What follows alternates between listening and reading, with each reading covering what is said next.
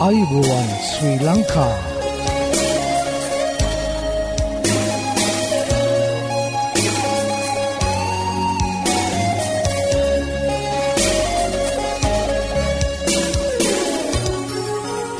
ඔබට සුපදවස මේ ඇඩවෙන්ටිස් වර්ල් රේඩියෝ බලාපොරොත්වය හඬයි.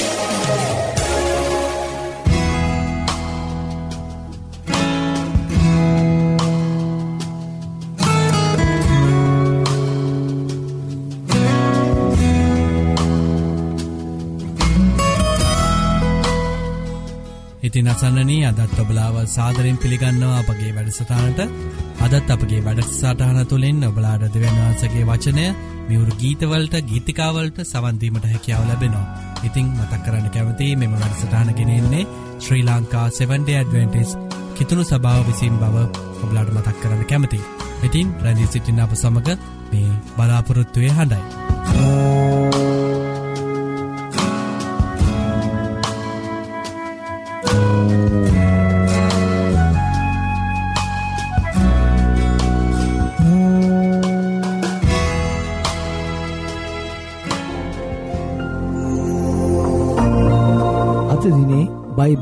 පාටය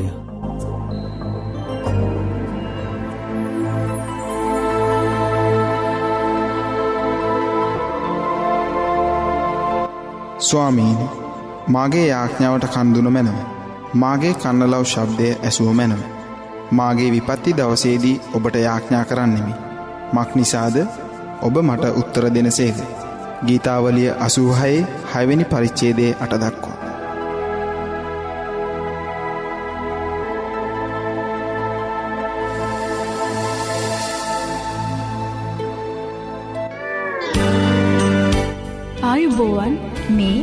ඇඩවෙන්ටිස් වර්ල් රේඩියෝ බලාපොරොත්වය හඬයි ඔබ කඳුළු බර ජීවිතයක් ගත කරනවාද අසානකාරි ජීවිතයක් ගත කරනවන.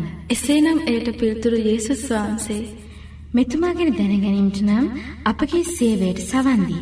අපේ සේවය තුළින් නොමිලේ පිදෙන බයිබල් සහ සෞඛ්‍ය පාඩම් මාලාවට අදම ඇතුල්වන්න. මෙන්න අපගේ ලිපින ඇඩවෙන්ටිස් වර්ල් රේඩුව බලාපොරොත්තුවේ අඩ තැපැල් පෙට නමය බින්ද එපා කොළඹ තුන්න.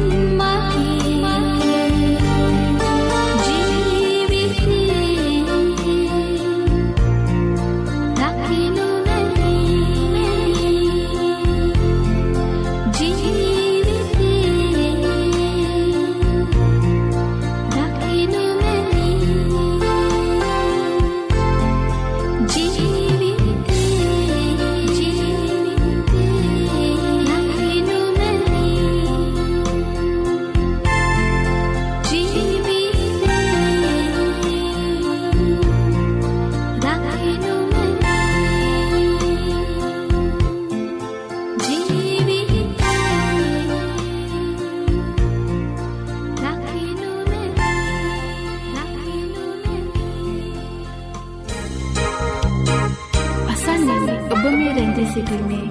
ඇඩ්වෙන්ටිස් වර්ල් රේඩියෝ බලාපොරත්තුවේ හඬ සමඟ.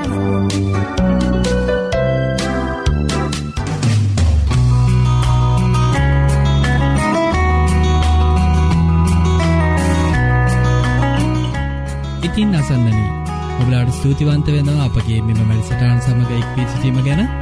ඇතින් අපි අදත් යොමුුවමු අපගේ ධර්මදේශනාව සඳහා. අද ධර්මදේශනාව ඔබහටගෙනෙන්නේ විලීරීත් දේවගෙදතුමා විසින් ඉතින් ඔහුගෙනන ඒ දේවවාක්‍යයට අපි දැන්යොමු රැඳි සිටින්න මේ බලාපොරොත්තුවය හඬ.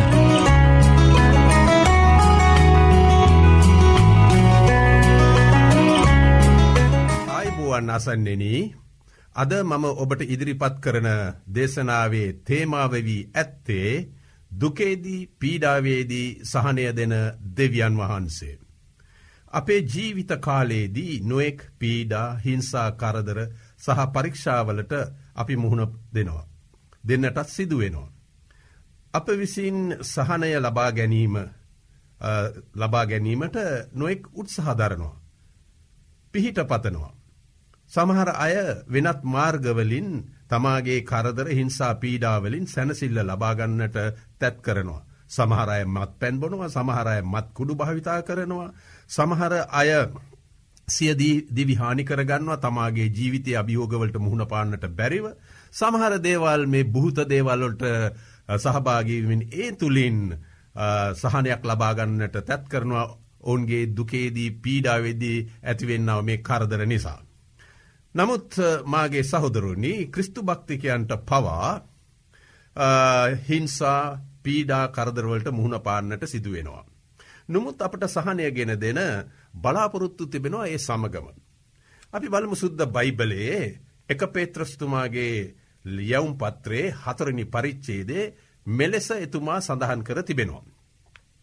ප්‍රේමවන්තේනී නුබලා සෝදිසි කිරීම පිණිස පැමිණෙන නුබලා අතරේ තිබෙන ගිනිමය පීඩාවන් ගැන අපූරුව කාරණාවක් නුබලාට සිදුවෙන්නක් මෙන් පුදුම නොවෙල්ලා එහෙනම් ක්‍රස්ටයානි භක්තිකයට පවා නොෙක් දුක්කම් කටලු කරදරවලට මුහුණ පාන්ට තිබෙන බව මෙසේ සඳහන් කරනවා. ඒවගේ අපොස්තුරු පවුලුතුමත් දෙවැනි තිමෝතිග පොතේ තුන්ගනි පරිච්චේදය දුලස්වනි වගන්තියේ අපේ සිතට සැනසීම දෙන බලාපොරොත්තුවක් දෙනවා. ක්‍රිස්තුස් යේසුස් වහන්සේ තුළ භක්තිවන්ත ලෙස ජීවත්වන්ට කැමැති සියල්ලෝම පීඩාවිඳින් නෝය. ඔවුමාගේ මිත්‍රණී අපගේ ස්වාමියූ ඒසුස් ක්‍රිස්තුස් වහන්සේ අප වෙනුවෙන් පීඩාවින්දාසේම උන්වහන්සේ කෙරෙහි විශ්වාසවන්තව සිටින්නාව උන්වහන්සේ සමඟ ජීවත්වෙන්න උන්වහන්සේ වෙනෙන් ජීවත්වට බලාපොරොත්තුවෙන්නාව අයටත් පීඩා සිද්ධ වෙනවා.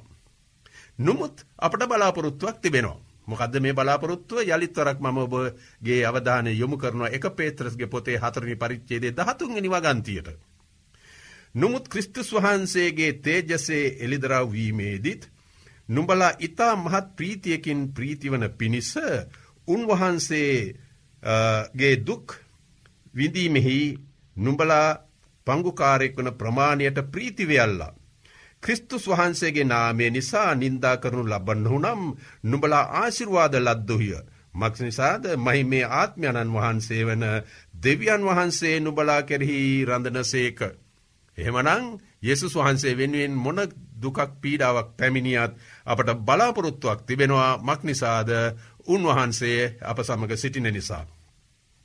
එවගේම බොහෝ අවස්ථාවෙන් හිදී පීඩා කරදරවලට මුහුණ දෙන විට මිතුරන්ගෙන් නෑදායන්ගෙන් අඳුනනායගෙන් අපි පිහිටා ඉල්ලා සිටිනවා නේද. නමුත් ඒ අයටද පිහිට ලබාදෙන්ට අපහොසත් වෙනවා. මක් නිසාද අපි සියල්ලුම දෙනා පාපය නිසා නොෙක් දුක්කම් කටලු කරදවලට මුණ පාතිබෙන නිසා. අපගේ ගැලුම්කරුවානන්ද මැවුම්කරුවානන්ද වන යෙසුස් ක්‍රිස්තුස් වහන්සේ කන්ද උඩ දේශනාවිදි මෙන්න මෙසේ වදාලසේක. මතයතුමාගේ සුභහරංචයේ පස්වනි පරිච්චේදේ හතරනි වගන්තියේ උන්වහන්සේ මෙලෙස සඳහන් කරතිබෙනවා. සෝකවන්නෝ ආශිරවාද ලද්දෝය මක්නිසාද ඔවුන් සනසල්ල ලබන්නේ බලන්ටමාගේ මිත්‍රූනි ස්වාමින් වහසකෙන සෝකවන්නෝ ආශිරවාද ලද්දෝය. මක්නිසාද ඔවුන් සනසනු ලබනවා. කාවිසින් අපට මේ සැනසීම ලැබෙන්නේ ඒකත් දේව වචනින් අපි සොයා බලමු. අපට සහනය කරුණාව සමාධානය ක්‍රිස්තුස් වහන්සේගෙන් ලැබෙන බව පවුල්තුමා දෙවැනි කොරින්තික පොතේ පළවෙනි පරිච්චේදේ දෙවැනි සහ තුන්ගෙන වගන්තිවල මෙසේ සඳහන් කර තිබෙනවාමාගේ මිත්‍රූර්ණි. දෙවැනි වූ වගන්තිය සඳහන් කරන්නේ අපේ පිය වූ ක්‍රිස්තුස් වහන්සේගෙන්ද ස්වාමියූ දෙවිපාණන් වහන්සේගෙන්ද කරුණාවත් සමාධානයක් නුබලාට වේවා. දෙවිය පියව් දෙවියන් වහන්සේගෙද ස්වාමියු ක්‍රිස්තුස් වහන්සේගෙද කරුණාවත් සමාධානයක් නුඹලාට වේවා. එනම් කරුණාව සමාව අපගේ දුක් පීඩාවලදි දෙන්ට පුළුවන් වන්නේ අපගේ මහොත්තම දෙවියන් වහන්සේට පමණයි. යොගතුන් එනිව ගන්තියත් සඳහන් කර තිබෙනවා. දයාබර කරුණාවල පියවූද සෑම සැනසිල්ලේ දිවි වූද අපගේ ස්වාමි වූ ඒසුස් ක්‍රිස්තුස් වහන්සේගේ පිය වූ දෙවියන් වහන්සේට ප්‍රසංසාවේවා. අපි දෙවියන් වහන්සේගෙන් යම් සැනසිල්ලක් ලැබුවමුද ඒ සැනසිල්ල කරනකොටගෙන කොයි පීඩාවක් නොමුත්. විඳින්නන් සනසන්නට අපට පුළුවන් වෙන පිණිස්ස උන්වහන්සේ අපේ සියලු පීඩාවලදී අප සනසෙනසේක මාගේ මිත්‍රනි මීට වඩා බලාපොරොත්තුවක් අපට තියෙනවාද. උන්වහන්සේ මතන කියා තිබෙන සියලුම පීඩාවලදී අපව සනසන්ට සිටින්නේ අපගේ සැනසිලිකාරයන් වන ස්වාමියූ යෙසුස් වහන්සේ අපි වාසනාවන්තයෝ නේදමාගේ මිත්‍රූර්ණි. ඒවගේම කියා තිබෙන පස්වනි වගන්තියේ. මක්නිසාද යම්සේ ක්‍රිස්තුස් වහන්සේගේ දුක්විඳීම් අප කරෙහි අධික වන්නේද එසේම ක්‍රිස්තුස් වහන්සේ කරනකොටගෙන අපගේ සැනසිල්ලත් අධික වෙනවා. අඩුවෙන්නේ නෑ වැඩි වෙනවා. අධික ලෙස වැඩි වෙනවා. බලන්ට එහෙමනං අපේ පීඩාවලදී දුක්කම් කටලුවදී උන්වහන්සේ කරේ විශ්වාසකොට අප වෙනුවෙන් පීඩාවින්දාව ඒසුස් වහන්සේට පුළුවන් අපගේ ජීවිතය පීඩාවලදී අපව සනසන්ට අධික ලෙස. එවගේම උන්වහන්සේ කරේ විශ්වාසවන්තව සිටින්නන්ට සුද්ද බයිබිලේ සඳහන් කර ඇති පොරොන්දු එනම් සැනසීම ගෙන දෙන පොරොන්දු කෙරෙහි මෙනෙහිකොට මෙහි කිරීමට දැන් අපි සූදානම්වෙම. අපි බයිබලෙන් දේව වචනය ගැන ටිකක් සොයලා බලමු. මගේ මිත්‍රනී ධවිත් රජතුමා ගීතාවලියේ තිස් හතරණි ගීතාවලියේ දහත්වනි වගන්තයේ සිට දහනමයිනි වගන්තිය දක්වා මෙන්න මෙලෙස සඳහන් කරලා තිබෙනවා. අපි කියෝලා බලමු සවන් දෙන්න. ධර්මිෂ්ටයෝ මොරගැසුවෝය. ස්වාමින් වහන්සේ අසා ඔවුන්ගේ සියලු දුක්වලින් ඔවුන් ගැලවූසේක. මගේ මිත්‍රූණි එහෙමනන් ධර්මිෂ්ටයට පවා කරදර පැමිණියත් මොරගසන විට ස්වාමින් වහන්සේ අසා ඔවුන්ගේ සියලු දුක්වලින් ඔවුන් ගැලවසේක. එහෙමනං අපේ සෑම දුකක් වේදනාවකින් අපට පිහිටත් පාපෙන් ගැලවීමත් ලබාදෙන්ට පුළුවන් වන්නේ උන්වහන්සේට විතරයි. එලෙස්සම දහටනි වගන්තියේ තවදුරටත් සඳහන් කර තිබෙන්නේ.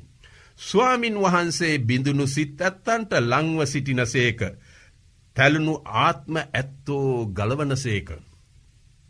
බිඳුණු සිත් බලාපොරොත්තු කඩවුණු දුකට වේදනාවට පත්ව ඉතාමත් දුක්කිතව සිටින්නාව අය. ඒ අයව ස්වාමින් වහන්සේ ගලවාගන්නට. එවගේම ස්වාමින් වහන්සේ සැනසීම ලබා දෙන්නට උන්වහන්සේ බලා සිටිනවා. ඒක දහන විනුවගන්තය දිහ බලමු. ධර්මිෂ්ටයාගේ පීඩා බොහෝය නොමුත් ස්වාමින් වහන්සේ ඒ සියල්ලෙන් ඔහු ගලවන සේක. පීඩා බොහෝ අනන්ත අප්‍රමාණවතියෙන්ට පුළුවන් නමුත් ඒ සියලු දෙයින් අපිව ගලවන්නේ අපගේ මහොත්තම සරුව බලධාරි සදාකාලික ප්‍රේමයකින් අපට ප්‍රේම කරන දෙවියන් වහන්සේ බව කරුණාවෙන් සවන්දෙන්ට. ඒ වගේම යෙසුස් කෘස්තුස් වහන්සේ. මතයුතුමාගේ සුභහරංචියයේ එකොළොස්වනි පරිච්චේදේ විසියටනි වගන්තියේ සඳහන් කර තිබෙන්නේ වෙහෙසවෙන්නාව බරවසුලන්නාව සියල්ලෙනි මාවෙතටෙන්ට මම නුඹට මොනවා දෙන්නේ සහනය දෙනවා. සතුට සහනය සෑම මොහොතකම දෙන්නේ ඒසුස් වහන්සේ. ඒවගේම කරදර සහ පීඩාවලින් පෙළෙන අයට ස්වාමින් වහසේ දී ඇති තවත් පොරුන්දුවක් ගැන අපි මෙනෙහි කරමු. මේ පොරුන්දුව සඳහන් වී තිබෙනවා ගීතාවලයේ හතලිසයවනි ගීතාවලිය පළවෙනි වගන්තියේ. දෙවියන් වහන්සේ අපේ සරණහා ශක්තියය දුකේදී ඉතා ලං වූ පිහිටක්ය. දුකේදී ඉතාමත්ම ලං වූ පිහිටක් වෙන කවරුත්නය අපේ දෙවියන් වහන්සේ. දෙවියන් වහන්සේ අපේ සරණහා ශක්තියය දුකේදී ඉතා ලං වූ පිහිටක්ය. එබැවින් පොළොව වෙනස් වෙතත් මුහුද මැත පර්ුවත සැලෙතත් එහි ජල ගුගුරා කැලබෙතත් එහි නගින රැල වේගෙන් පර්ුවත කම්පා වෙතත් බය නොවන්නෙමුව අපට මතක් වෙනවා නේද සුනාමිය. උන්වහන්සේ කරේ විශ්වාසවන්ත බොහෝ සියලුම දෙනා උන්වහන්සේ ඒ මහත් වූ වියසනයෙන් ගලවා ගත්තා. සාගත වසංගත ස්වභාවික පීඩා පැමිණියත්. උන්වහන්සේ ඒවා මැදින් අපව ගෙන යනසේක. උන්වහන්සේ අප සමඟ සිටිනසේක නිසා තමයි ස්වාමින් වහන්සේ කියන මතයතුමාගේ සුභහරංචියයේ විසි අටවනි පරිච්චේද අන්තිම වගන්තියේ. ලෝක අන්තිමය දක්වා සෑම කල්හිම මම නුඹ සමඟ සිටිනවා. බලන්ට අපේ ස්වාමින් වහන්ස හැම කරදරයක් මධ්‍යයේ උන්වහන්සේ අප සමඟ සිටින නිසා අපි ඉතාමත්ම වාසනාවන්ත සැනගක් නේදමාගේ මිත්‍රුණි. එලෙසම අපි බලමු පරණ තෙස්තමේන්තුව දිහා බල. යෙසයාගේ පොතේ හතලිස්තුන්ගනි පරිච්චේදේ පලවිනි සහ දෙවනි වගන්තිවල සඳහන් වෙන්නේ මෙලෙසයි. ස්වාමින් වහන්සේ මෙසේ කියන සේක භයනුවන්න. මක්නිසාද මම නුබ මුදාගතිමි නුඹේ නම කියා හඬ ගැසීමි. නුඹ මාගේය. නුඹ ජලමැදින් යනවිට මම නුඹ සමඟ සිටින්නෙමි. නුඹ ගංගා මැදින් යනවිට ඒවා නුඹට උඩින් ගලායන්නේ නැත. නුඹ නුඹ ගින්දර මැදින් යනවිට නොදැවෙන්නෙහිය. ගිනිදැල් නුඹ කෙරෙහි නොඇවිලෙන්නේය.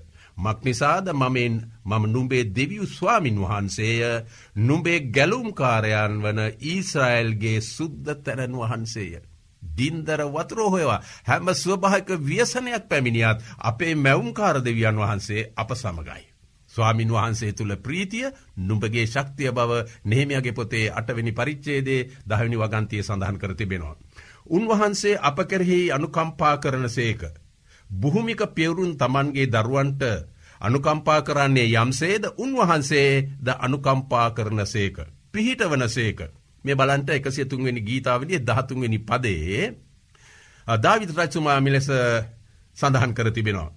පියෙක් තම දරුවන්ට අනුකම්පා කරන්නාක් මෙන් ස්වාමින් වහන්සේ තමන් කෙරෙහි බය ඇත්තන්ට අනුකම්පා කරන සේක. මක්නිසාද උන්වහන්සේ අපේ ස්වභාවය දන්නාසේක අප දූවිලි බව උන්වහන්සේ සිහි කරන සේක. පාපයට වැටුණු මනුෂ්‍යයාගේ තත්ත්වය උන්වහන්සේ දන්නවා පාපය විපාක තමයි දුක වේදනාව මරණය නිසා උන්වහන්සේ අප කෙරෙහි බොහෝ අනුකම්පා කරනවා. ඒවගේම විපත්ති කාලයේදී අපට පිහිටක් සහ රැකවරණයක් වෙන්නේ උන්වහන්සේ. අපි බලම ගීතාවලිය නමනි පරිච්චේදේ නමනි වගන්තියට. ස්වාමීන් වහන්සේ පීඩා ඇත්ත ඇත්තන්ට උසස් කොටුවක් වනසේක විපත්ති කාලවලදී උස්කොටුවක් වනසේක. ඔබගේ නාමය දන්නෝ ඔබ කරේ විශ්වාස කරන්නහුය. මක්නිසාද ස්වාමීනී ඔබ සොයන්නන් ඔබ අත්නාරිනසේක.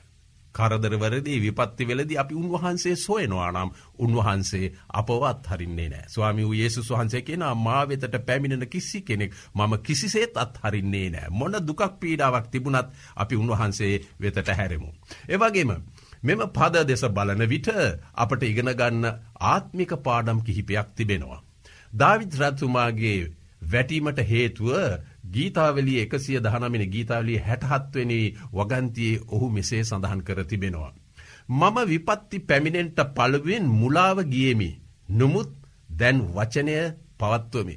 බොහෝ දෙනෙක් දෙවියන් වහන්සේගේ වචනය හරියාකාර දන්නේ නැති නිසා. උන්වහන්සේගේ ආග්ඥා පනත්වලට ගරු නොකරන නිසා ඔවුන්ගේ කැමැත්ත කර නිසා පීඩාවට පත්වෙනවා කරදරට පත්වෙන දාවිද්‍රජතුමා කියනවා මම විපත්ති පැමිණෙන්ට පළමුුවෙන් මුලාවගියමි. නමුත් පසු ඔහු කියනවා මේ විදිහට. ඔබගේ පනත් ඉගෙන ගන්න පිණිස්ස මට විපත්ති පැමිණුණු යහපති.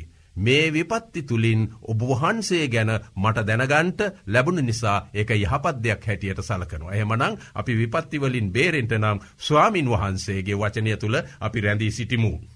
ඒවාගේම දෙවියන් වහන්සේගේ දිව්‍ය කැමැත්ත නොකිරීම නිසා විපත්ති සහ කරදරවලට හේතුව වෙයි. සියලුම අධර්මිෂ්ටකම පාපයයි. පාපය විපත්ති සහ කරදර ගෙන දෙනවා.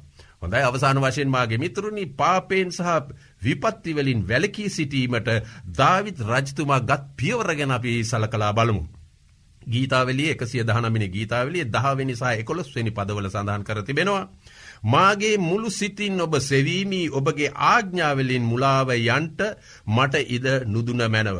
ඔබට විරුද්ධ පව් නොකරන පිණිස ඔබගේ වචනය මාගේ සිතේ නිධාන කර ගතමි හෙමනන් දෙවියන් වහන්සේගේ වචනය තුළ අපි සිටින්නේද එසෙල එහෙමනම් අපට විපත්වලින් වැලකී සිටින්ට පුළුවන්.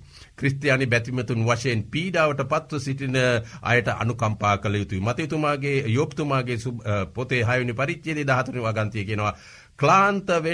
ක්ලාන්තවෙන්ට ලංව සිටින අයට තම මිත්‍රයන්ගේ කරුණාව ලැබිය යුතුය. නොලැබුණොත් ඔහු සරුව පරාක්‍රමයණන් කෙරෙහි බයවීම අත්හරින්නේය. කරදරවලින් පීඩාවලින් ජයගන්නට මෙම ගීතාවලිය පොරොන්දුව සිහිපත් කර ගනිමු.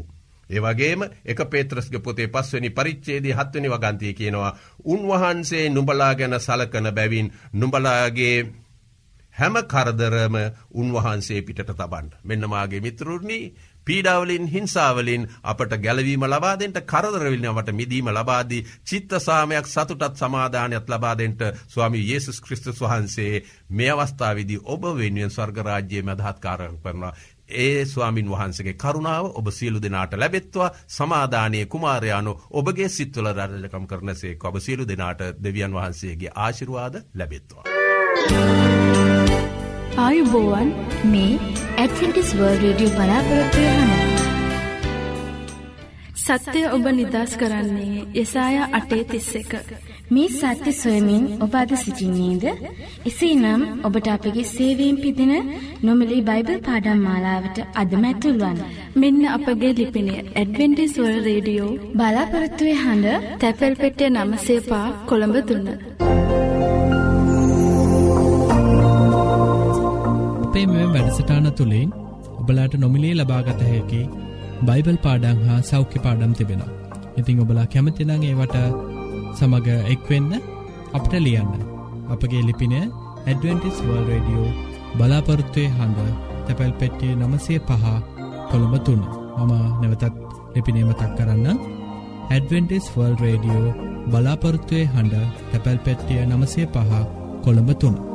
ඒ වගේ මබලාට ඉත්තාමත් ස්තුතිවන්ත වෙනවා අපගේ මෙම වැඩසිරාණ දක්කන්නාව ප්‍රතිචාර ගැන අපට ලියන්න අපගේ මේ වැඩසටාන් සාර්ථය කර ගැනීමට බලාගේ අදහස් හා යෝජනාවට අවශ්‍ය. අදත් අපගේ වැඩසටානය නිමාව කරාලඟාව තිබෙනවා ඉතිං පුරා අඩහෝරාව කාලයක් අප සමඟ රැඳී සිටිය ඔබට සූතිවන්ත වෙන අතර හෙටදිනියත් සුපුරෝධ පරිති සුපුරෘධ වෙලාවට හමුවීමට බලාපොරොත්තුවයෙන් සමුගන්නාමා ප්‍රස්ත්‍රියකනායක. ඔබට දෙවියන් වහන්සේගේ ආශිරවාදය කරුණාව හිමියේවා.